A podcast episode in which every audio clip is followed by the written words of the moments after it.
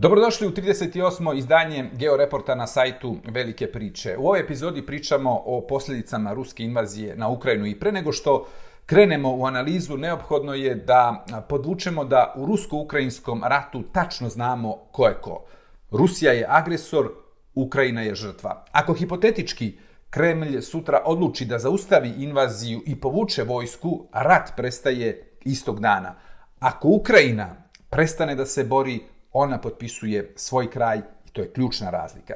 Drugim rečima, poraz Moskve platio bi e, samo Putin, budući da je pravilo da se režimi u Rusiji menjaju nakon velikih i bolnih poraza.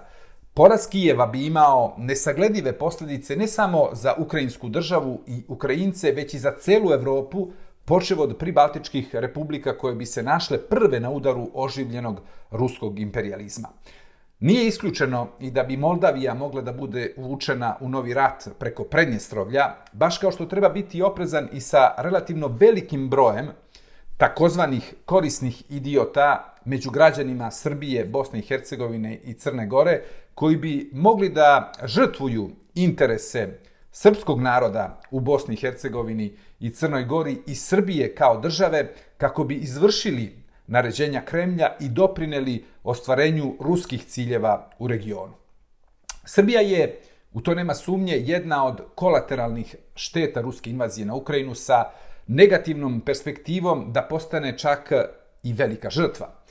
Naime, s jedne strane, put Beograda ka članstvu u Evropskoj uniji u posljednje dve godine nije blokiran zbog Kosova, već zbog odnosa srpskih vlasti prema ruskoj agresiji na Ukrajinu, jer se u Evropskoj uniji e, stvorio veoma brojan i veoma tvrd blok država članica koje neće dozvoliti napredak Srbije u procesu pregovora sa Evropskom unijom sve dok ne bude uskladila svoju politiku prema Rusiji sa ostalim evropskim zemljama.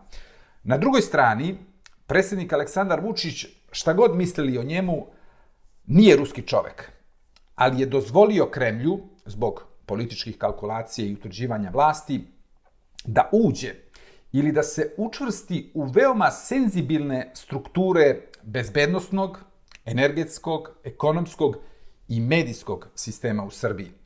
Dok ruska propaganda širi protiv NATO-a i protiv Evropske unije i Sjednjih američkih država propagandu optužujući ih da žele da promene vlast u Beogradu, u suštini najveća opasnost za Vučića dolazi upravo iz Moskve. Kako reče bivši komesar za proširenje Evropske unije Oli Ren pre 15 godina, upozoravajući tadašnju vlast u Beogradu, u zagrljaju medveda je toplo, ali možete da budete ugušeni veoma lako od njegove ljubavi. Ko pobeđuje taktički, a ko strateški u rusko-ukrajinskom ratu? Dve godine od eh, početka ruske invazije na Ukrajinu može se reći da Moskva dobija rat u taktičkom smislu, a gubi u strateškom kontekstu. Eh, Rusija pobeđuje na terenu, eh, jer je okupirala i anektirala petinu teritorije Ukrajine. Takođe, u ovom momentu ima mnogo manje probleme sa popunjavanjem vojnih formacija na frontu i raspolaže sa mnogo više artiljerijske municije od Ukrajinaca. Zahvaljujući upravo tim prednostima, Rusi su u posljednjih nekoliko meseci pomerili liniju fronta za par kilometara i osvojili gradove poput Bahmuta i Avdejke u Donjeckoj oblasti. Međutim, ne možemo govoriti o pobedi Rusije iz prostog razloga što Putinov režim nije realizovao ni približno zacrtane ciljeve s početka invazije. Šta više, nije uspeo čak ni da zauzme teritorije gde su rusofonski Ukrajinci bili većina, uključujući i dva najveća rusofonska grada u Ukrajini, Harkov i Odesu. Na strateškom planu Rusija u suštini gubi rat. Čak i da izađe kao pobednica iz sukoba sa Ukrajinom, ona će biti žrtva svog uspeha jer će od novog rasporeda snaga najviše profitirati Kina i to na štetu Rusije.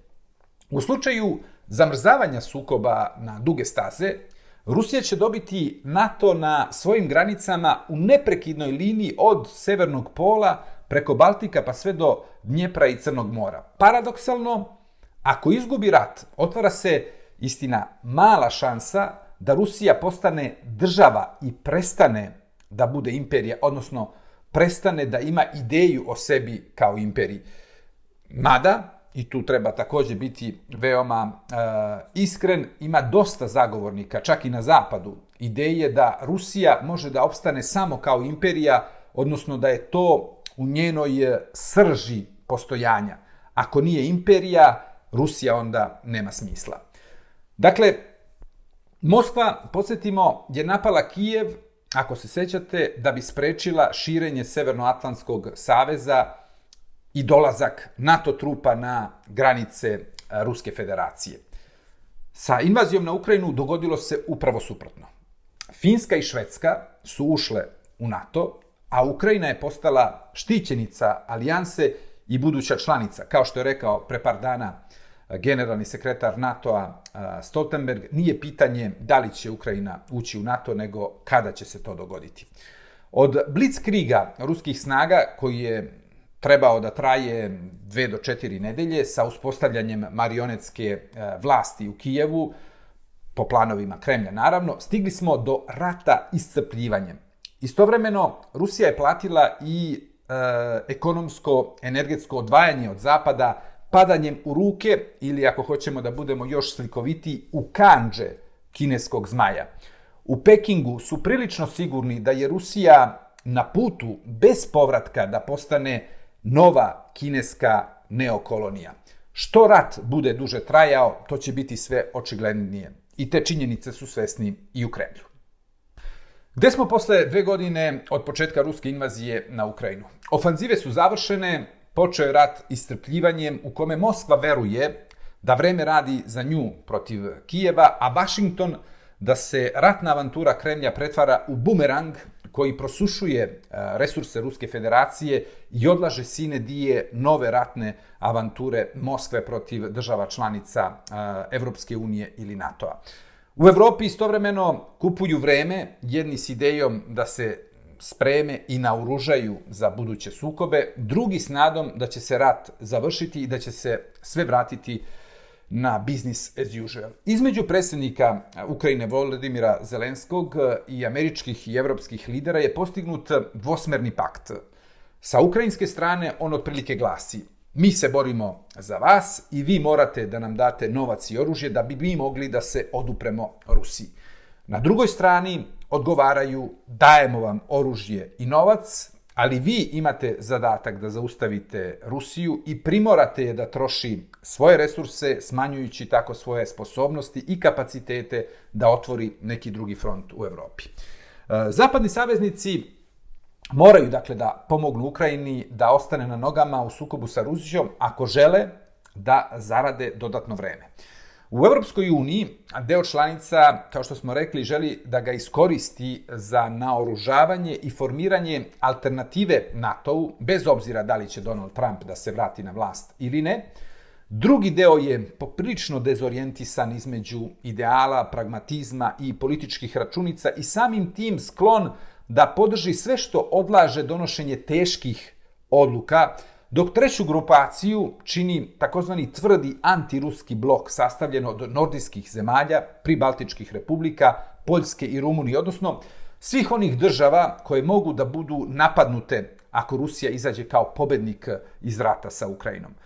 Ruska federacija je već prešla na ratnu ekonomiju i čeka da se Donald Trump ustoliči na vlasti u Vašingtonu sljedeće godine.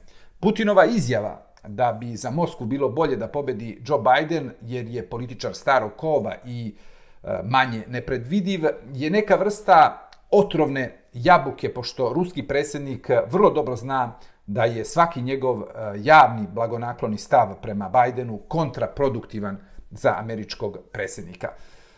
U ratu e, iscrpljivanja Rusi su uvereni da ne mogu da izgube. Sve je na njihovoj strani.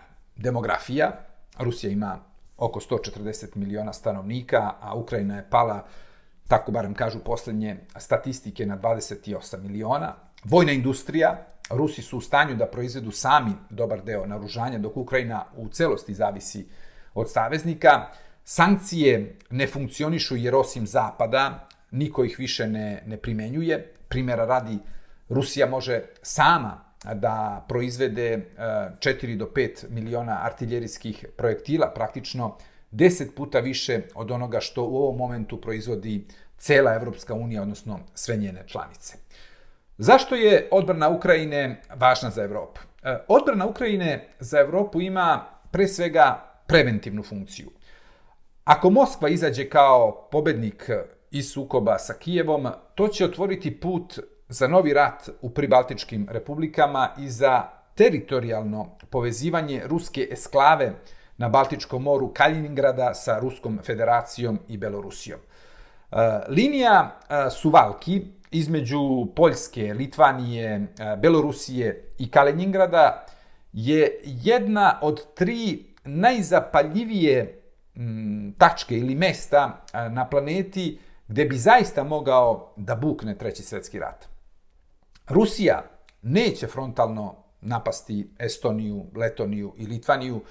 E, Ona će iskoristiti veoma kompaktnu i brojnu rusku nacionalnu etničku e, manjinu u tim državama da poseje seme građanskog rata kako bi dobila legitimaciju, odnosno opravdanje za intervenciju u zaštiti ruskog naroda direktno ili indirektno.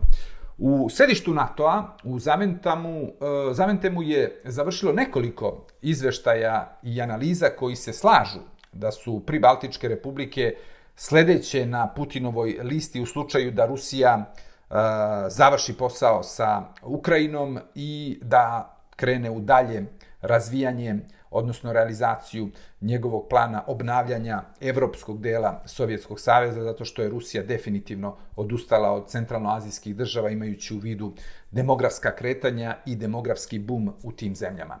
E, predviđa se da bi Estonija, Letonija i Litvanija mogle da budu napadnute u periodu od 3 do 5 godina.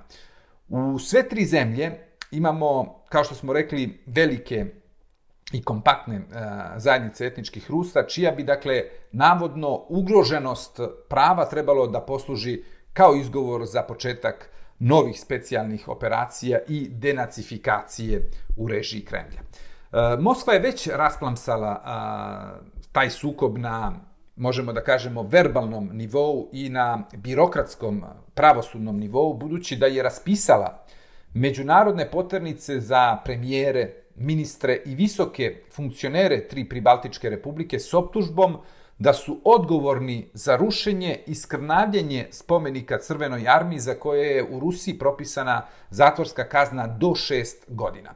Litvanska premijerka Ingrid Šimonite smatra da je napad Rusije moguć, ali da nije neizbežan i da zavisi od dva faktora. Političke volje i vojnog kapaciteta. Kakva je pozicija Vašingtona. E, u Vašingtonu imamo dve škole mišljenja koje su međusobno suprotstavljene. Prva se zalaže da se sa Rusima napravi dogovor o primirju po uzoru na koreanski scenario, dok e, se druga zalaže za nastavak rata i spremanje nove ofanzive s nadom da će u Moskvi doći do urušavanja sistema pre ili kasnije. Najvažnija e, kvalitativna promena i potencijalno najopasnija za Kijev je Bajdenova redefinicija spremnosti Sjednjih američkih država da brane Ukrajinu. E, jednostavno, za godinu dana smo prešli put od pozicije bit ćemo uz Ukrajinu dok god to bude trebalo, do bit ćemo uz Ukrajinu dok budemo mogli. To svakako nije dobra poruka za Ukrajince i zbog toga je i došlo do uh, drugih izjava koje su pokušale otprilike da redefinišu i da ublaže, da kalibriraju na drugačiji način uh, tu vrstu istupa američkog predsjednika. Roller coaster Zelenskog. Uh, Volodimir Zelenski je u predvečerje ruske invazije na Ukrajinu bio na pragu da uđe u društvo ukrajinskih lidera koji su izneverili nade i očekivanja građana u posljednjih 30 godina. U krugu od samo nekoliko sedmica Zelenski je postao heroj dobrog dela planete, simbol patriotizma, hrabrosti i odlučnosti. Na krilima neočekivanog e, otpora ukrajinskih e, snaga, e, ujedinjenosti Ukrajinaca u odbrani otačbine, Zelenski je proklamovao ciljeve koji mu danas predstavljaju neku vrstu omče oko vrata, pre svih Tu mislimo na povratak na granice iz 1991. godine. Eh, Zelenski je svestan da taj cilj ne može da ostvari, ali istovremeno takođe zna da ne može, barem javno, verbalno, da odustane od njega, a da ne pleti visoku političku cenu. Popularnost Zelenskog u Ukrajini je sišla na 60%, pretvaranje polupredsjedničkog sistema po francuskom modelu u čisti predsjednički i vertikalna struktura vlasti se nije svidela mnogima ni u Ukrajini, ni u Evropi. Kritike, naravno, su prilično tihe i blage iz prostog razloga što niko ne želi da sipa gorivo u rusku propagandnu mašineriju baziranu na dezinformacijama i zlonamernim interpretacijama. U zemlji koja je u ratu je teško biti opozicija ili kritičar vlasti. Prostor za politički manevar je veoma sužen kao i za slobodu mišljenja, ne samo zbog uvedenog varednog stanja i takozvanog ratnog zakonodavstva. E, Zelenski je sve to iskoristio da učvrsti vlasti praktično eliminiše ili krajnje oslabi sve svoje protivnike. Paradoks je da je Zelenski došao na vlast na talasu protesta protiv ruskog stila vladanja Petra Porošenka, a sada se i on okružio poslušnicima koji klimaju glavom. U Ukrajini gotovo da ne postoji u ovom momentu politički pluralizam. Bivši predsjednik Porošenko je prilično kompromitovan i nepopularan. Gradonačelnik Kijeva Vitali Kličko je izložen svakodnevnoj prljavoj kampanji i nekorektnim eh, potezima državnih organa prema gradskoj vlasti na čijem je čelu. Julija e, Timošenko je potrošila bezbroj prilika da postane ozbiljan politički e, kadar, dok Oleksi Arestović može da bude klip u točkovima Zelenskog, ali ne i neko ko može da ugrozi uh, Eh, na vlasti aktualnog predsjednika Ukrajine. Desetak partija, podsjetimo, eh, je ukinuto ili su eh, zabranjene zbog njihovih veza sa Rusijom.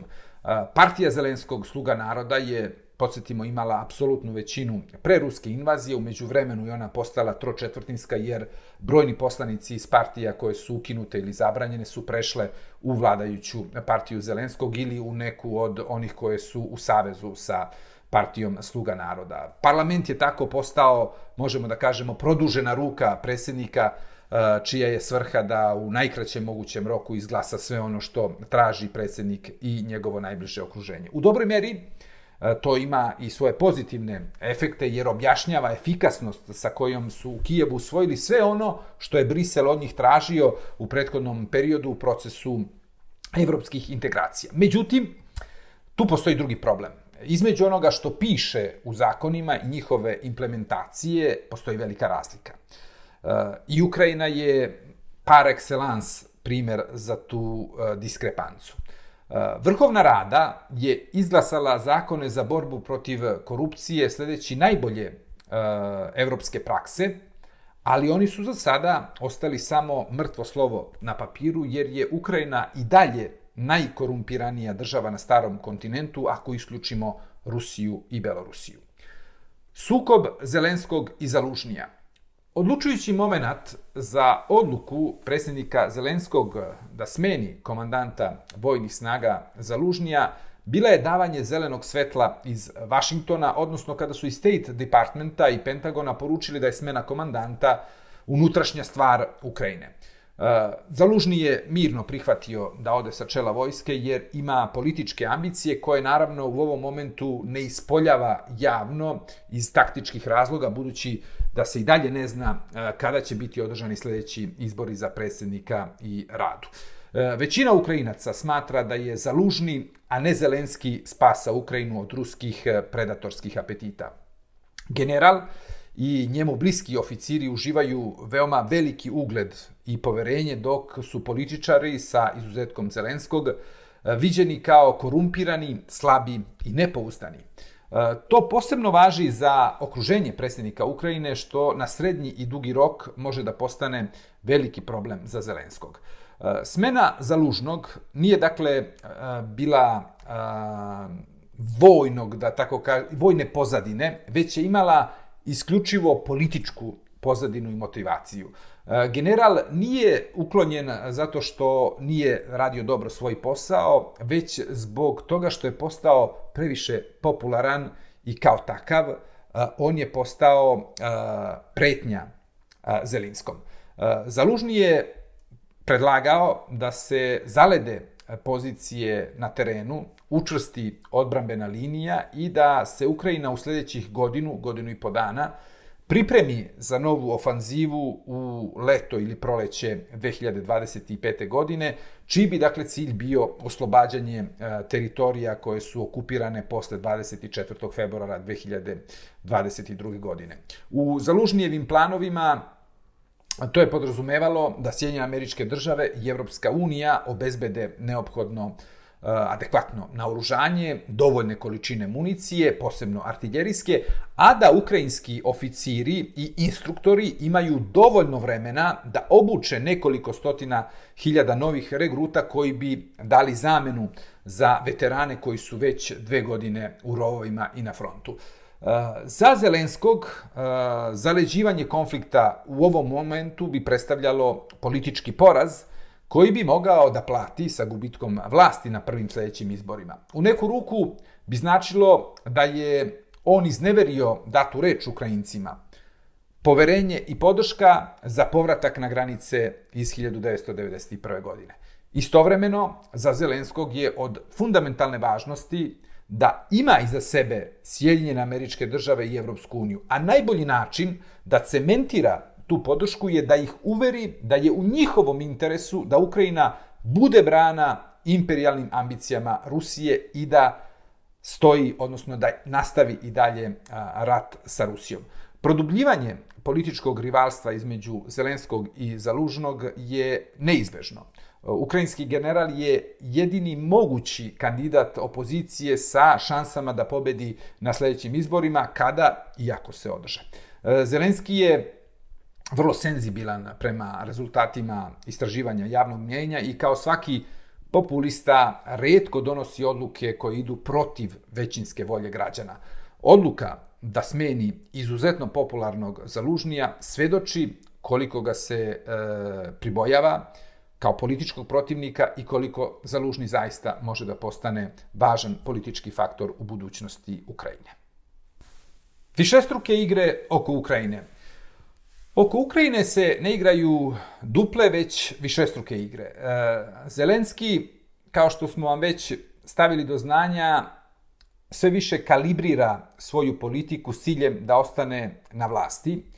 Rusija je već nekoliko puta promenila svoje ciljeve invazije, a deo članica Evropske unije je pristao da otvori vrata članstva Ukrajini samo zato što znaju da će proces biti veoma dug, i da mogu da ga zaustave kad god požele, kao i da će simpatije za Ukrajinu splasnuti istog dana kada bude stavljena tačka ili pauza na rusku invaziju. E, prema procenama Svetske banke za obnovu Ukrajine, ako bi rat stao danas, potrebno je 486 milijardi dolara. E, budući da ta e, cifra svake godine raste barem za 20 do 30 odsto, vrlo lako je izračunati koliko bi u slučaju da rat potraje još nekoliko godina bilo neophodno izdvojiti sredstava za obnovu Ukrajine i taj novac neće biti nimalo lako pronaći, pogotovo jer se nalazimo u vremenima recesije i ekonomske krize.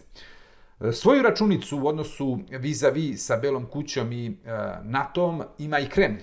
Rusi zaduženi za održavanje e, kanala komunikacija sa Amerikancima i Evropljanima već duže vremena e, ponavljaju matricu zar zaista želite da vam Kina dođe na granice NATO-a?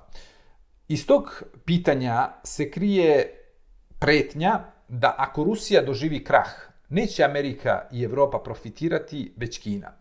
Baš kao što ni svođenje Rusije na ulogu kineskog vazala, pogotovo ako se rat u Ukrajini produži na duge staze, postaje neizbežni i krajnje nepovoljni scenario za Zapad i pogotovo za Sjedinjene američke države na dugi rok. Generalno, mnogo lakše će doći do uspostavljanja i obnavljanja odnosa između Amerike i Rusije nego između Evropske unije i Rusije. Globalne sile su sklonije kompromisima i zaokretima kada su u pitanju veoma važni ciljevi. U američkim očima Kina ostaje neprijatelj broj 1 i ako bude bilo potrebno, Washington će bez mnogo pardona sklopiti pakt sa Moskvom kako bi porazio Peking. Granice između NATO-a i Rusije. E, sukob između Zapada i Rusije e, postaje, možemo da kažemo, permanentna pretnja za mir na starom kontinentu, jer sa ulaskom Finske i Švedske u NATO, kooptiranjem Ukrajine u zapadni blok i Belorusije u ruski, dobili smo nekoliko hiljada kilometara granice između NATO-a i Rusije i bez takozvanih tampon država koje su bile neka vrsta katalizatora tenzija između dve strane. Drugim rečima, Finska i Švedska su danas zaštićenije nego što su bile juče, baš kao što će biti i Ukrajina jednog dana, ali je mogućnost incidenta i sukoba između Zapada i Ruske federacije značajno povećana. Militarizovana granica od Laponije do Dnjepra i Crnog mora će biti ili nova gvozdena zavesa ili permanentno žarište i vrtlog nestabilnosti na našem kontinentu. Eto zašto i na zapadu ima onih koji podržavaju razmišljanja o pravcu organizovanja takozvanog Helsinkija 2 po okončanju, naravno, ruske invazije na Ukrajinu i potpisivanje nove e, Helsinške povelje koja bi regulisala bezbednostna pitanja u Evropi, to jest između NATO-a i Rusije. Ruski i kineski san o propasti Zapada.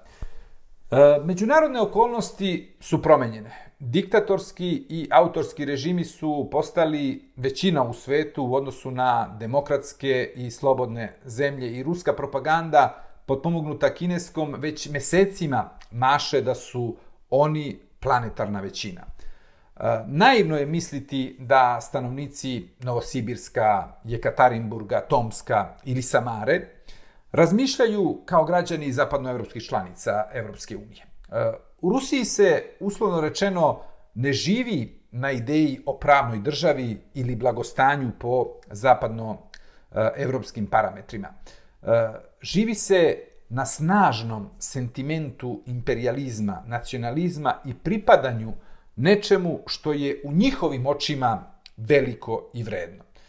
Nije Putin napravio današnju Rusiju, već je Rusija sa svojim imperialnim metaforički rečeno DNK-om, iznedrila Putina.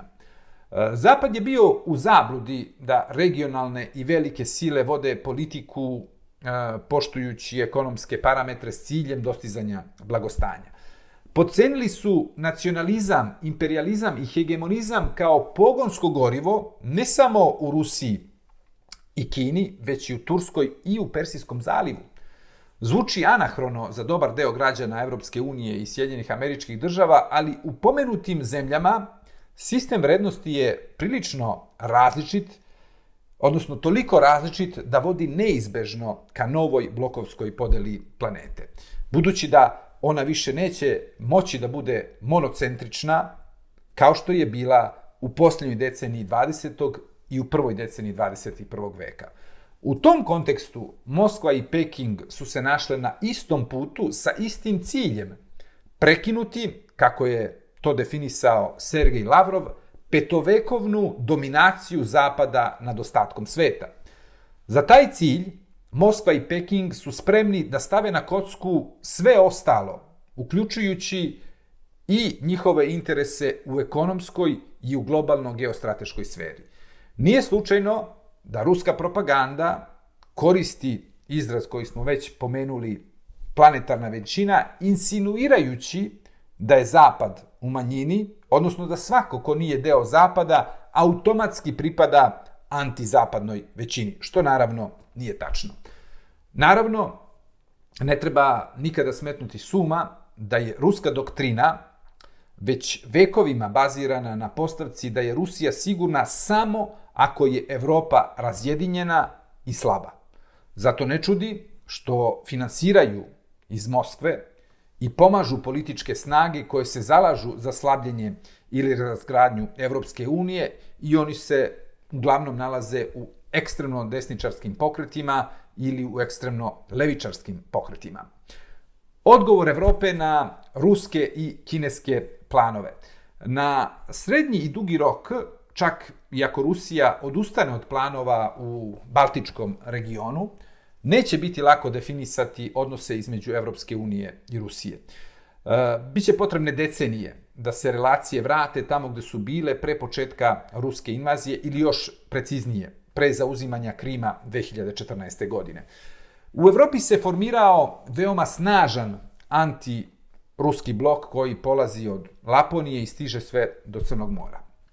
Sve zemlje koje se nalaze pod direktnom pretnjom Rusije, od nordijskih država, pribaltičkih eh, republika do Poljske i Rumunije, neće pristati na povratak eh, pristupa u odnosima sa Rusijom, business as usual, i oni su već uticali značajno i na pozicije Nemačke, jer ni Nemačka ne može da se vrati u svojoj skorijoj budućnosti na čuvenu Ostpolitik Vilija Branta, e, osim naravno ako alternativa za Nemačku ne dođe na vlast, a to bi svakako bio i kraj Evrope kakvu smo poznavali. I onda bi se otvorili sasvim e, neočekivani i nepredvidivi scenari.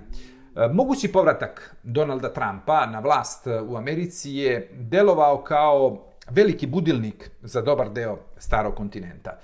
E, Nemačka, Holandija i Poljska su potpisale pre nekoliko nedelja ugovor za izgradnju nove železničke pruge sa takozvanom dualnom upotrebom, odnosno da mogu lako i brzo da se iz civilnog korišćenja prebace na vojno kako bi se obezbedio brz i efikasan transport ratnog materijala i ljudstva od luka na Severnom moru do istočne granice Poljske. E, Evropska komisija je takođe e, nedavno usvojila, e, odnosno odobrila paket od 800 miliona evra za 38 projekata za jačanje vojnih kapaciteta 10 članica u Evropskoj uniji i uglavnom su to one koje se graniče ili se nalaze u blizini ruske granice. Komandant britanskih snaga, general Patrick Sanders, je upozorio kabinat Rišija Sunaka da je neophodno pripremiti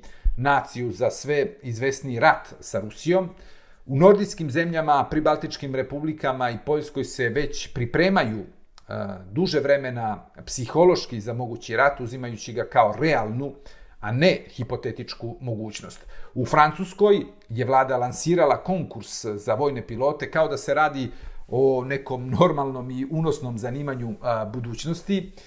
I e, Francuska je također ključna zemlja za formiranje zajedničkog evropskog e, odbrambenog sistema, ne samo zato što ima najbolju i najopremljeniju vojsku u Evropskoj uniji, već i zato što je jedina nuklearna sila.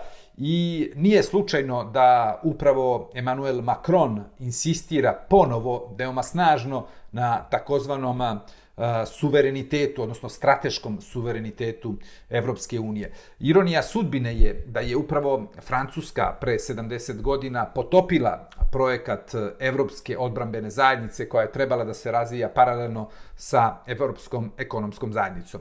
Na greškama se uči, bitno je ne ponavljati ih. Toliko u ovom georeportu, do sljedećeg slušanja i gledanja, sve najbolje.